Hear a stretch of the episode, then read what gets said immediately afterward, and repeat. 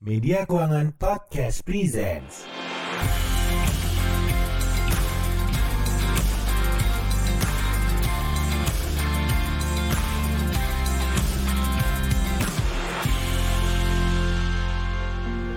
Menumpuknya sampah sudah jadi persoalan lama di negeri ini.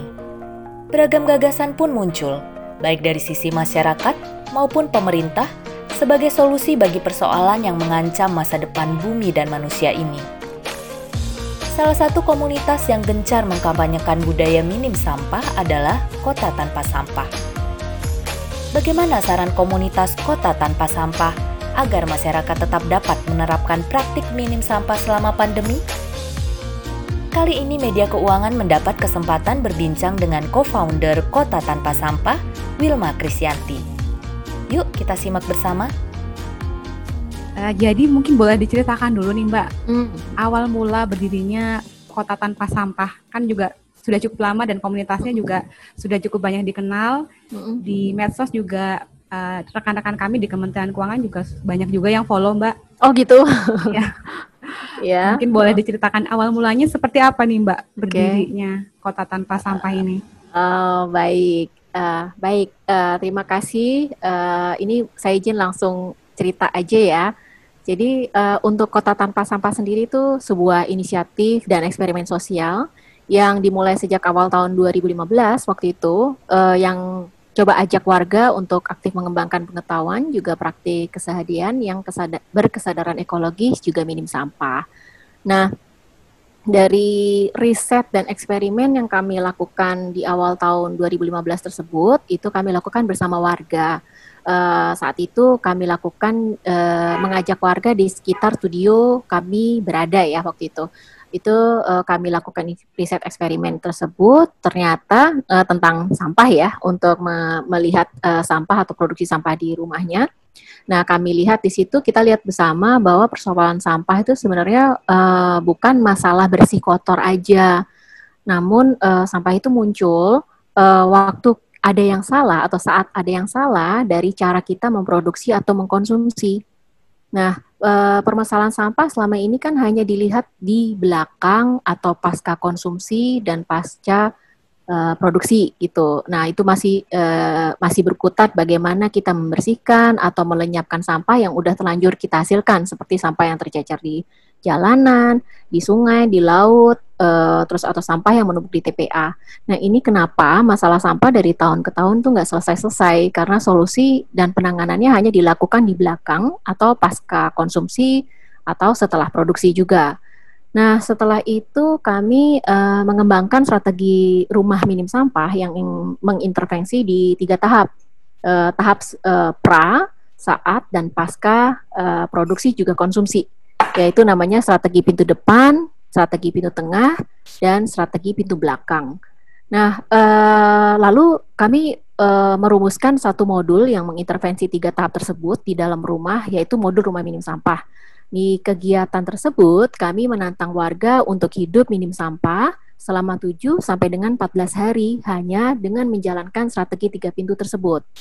Nah, dari ekse- eksperimen dan riset tersebut, hasilnya sampah bisa dikurangi eh, antara 40 sampai 99,9 persen di tiap rumah warga pelopor yang eh, ikuti eksperimen tersebut.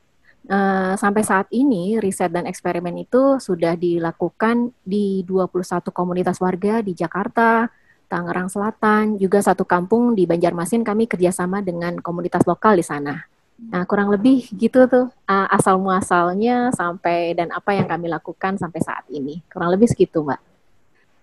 Ya, terus kan uh, sebelum pandemi ini Mbak kan mulai rame nih uh, gerakan minim sampah yang mulai mengganti alat-alat dari plastik ke yang bisa didaur ulang, kemudian kantong plastik juga sudah dikurangi.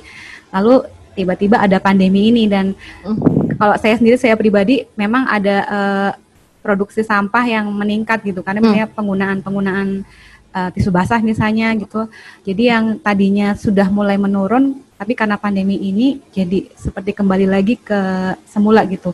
Hmm. Uh, kalau Mbak Wilma sendiri apakah melihat uh, masyarakat juga secara umum seperti itu atau atau gimana nih Mbak? Hmm, iya, jadi sebenarnya sama ya. Saya juga mengalami itu, Mbak. Uh, jadi sebenarnya sih kalau di kami lihat di awal masa pandemi itu banyak orang atau mungkin pihak-pihak gitu ya uh, lumayan bergeser urgensinya untuk mendahulukan ke pertama adalah pencegahan dan penanganan COVID-19 dulu dong gitu ya, seputar kebersihan ataupun higienis.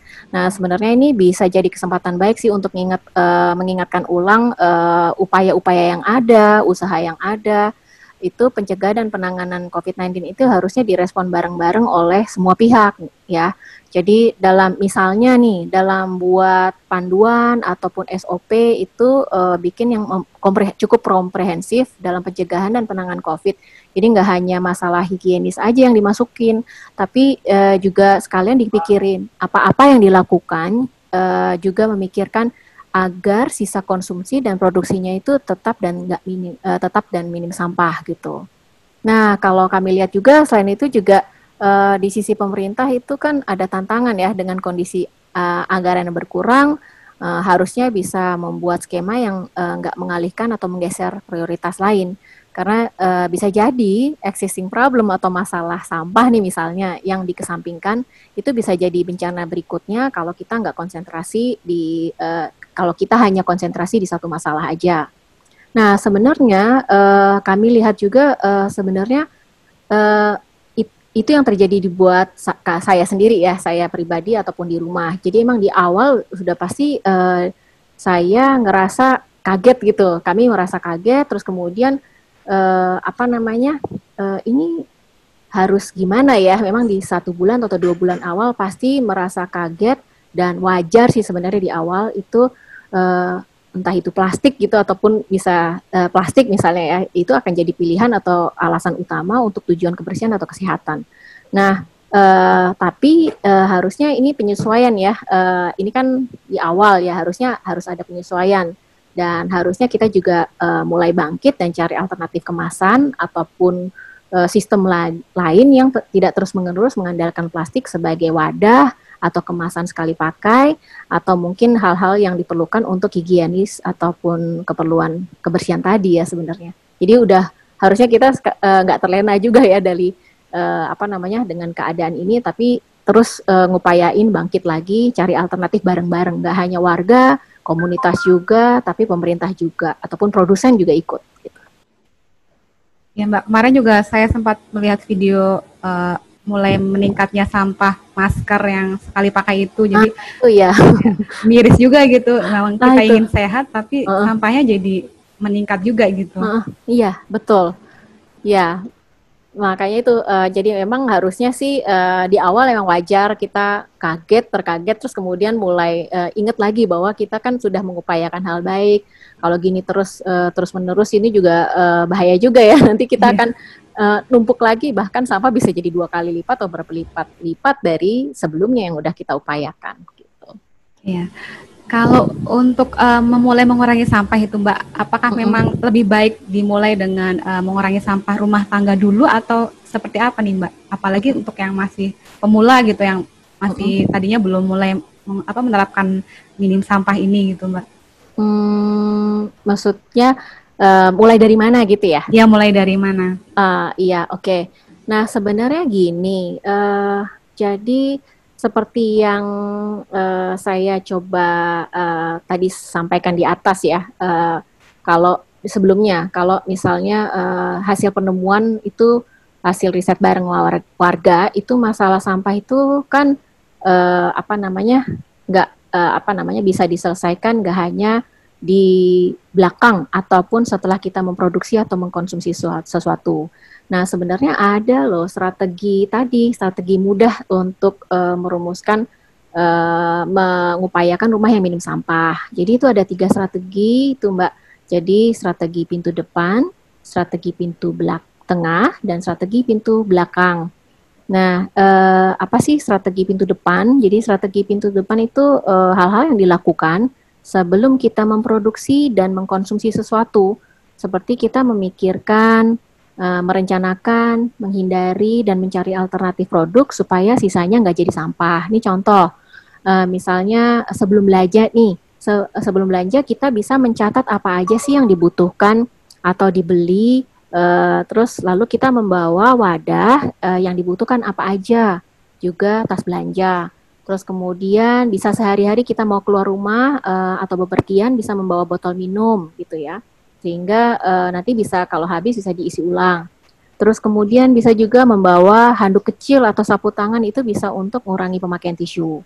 Nah, untuk strategi pintu tengah itu adalah strategi yang dilakukan sebelum kita memproduksi dan mengkonsumsi sesuatu, seperti memakai yang ada ketimbang membeli baru. Terus kemudian memperbaiki barang yang rusak ketimbang uh, buru-buru membuangnya. Uh, memproduksi dan mengkonsumsi secara cermat supaya nggak dihasilkan banyak sampah ataupun banyak sisa gitu ya. Nah, uh, ini contohnya sih, uh, misalnya makanan yang udah dimasak atau diambil di piring ya dihabiskan. Terus kemudian celana, pakaian atau pakaian gitu ya, sandal, sepatu, juga payung mungkin yang rusak itu masih bisa diperbaiki kan di tukang servis keliling kalau masih ada. Nah itu daripada uh, uh, buru-buru dibuang gitu ya, jadi diperbaiki dulu. Terus kemudian bisa juga uh, ki jika kita membutuhkan tas belanja, uh, bisa pakai uh, tas yang ada misalnya dari souvenir uh, acara ataupun seminar atau bisa juga bisa kita buat sendiri dari kaos yang sudah usang gitu ya. Terus misalnya kita misalnya di rumah kita butuh tangga atau pemotong rumput atau bor itu sebenarnya bisa saling pinjam dengan tetangga kan uh, karena tidak dipakai setiap hari jadi nggak perlu beli. Seperti itu yang strategi pintu tengah. Nah, strategi pintu belakang itu adalah strategi yang dilakukan setelah kita memproduksi atau mengkonsumsi sesuatu uh, dengan meneruskan sisa produksi atau konsumsi kita ke siklus berikutnya. Misalnya, apakah sisa tadi, sisa konsumsi kita tuh tadi bisa dikomposkan nggak gitu? Kalau nggak bisa dikomposkan, apakah sisa konsumsi kita bisa didaur ulang berdasarkan kategori materialnya masing-masing? Karena uh, sebenarnya nggak semua sisa produksi atau konsumsi kita namanya sampah atau adalah sampah. Benar, yang udah nggak bisa dikomposkan, udah nggak bisa didaur ulang, itulah yang baru se uh, kita sebut sampah atau residu. Nah itu yang terpaksa kita kirim ke TPA. Jadi uh, kita mulai dari situ, mulai dari menerapkan strategi tiga pintu juga, seperti itu. Uh, Mbak Ilma ada nggak nih Mbak tips supaya masyarakat nih tetap terjaga nih motivasinya tetap bisa minim sampah di rumah selama masa pandemi ini walaupun di sisi lain tetap harus menjaga higienitas dan kesehatan gitu. Hmm. Ada nggak mbak tips-tips untuk menjaga hmm. motivasinya ini? Hmm, Oke, okay.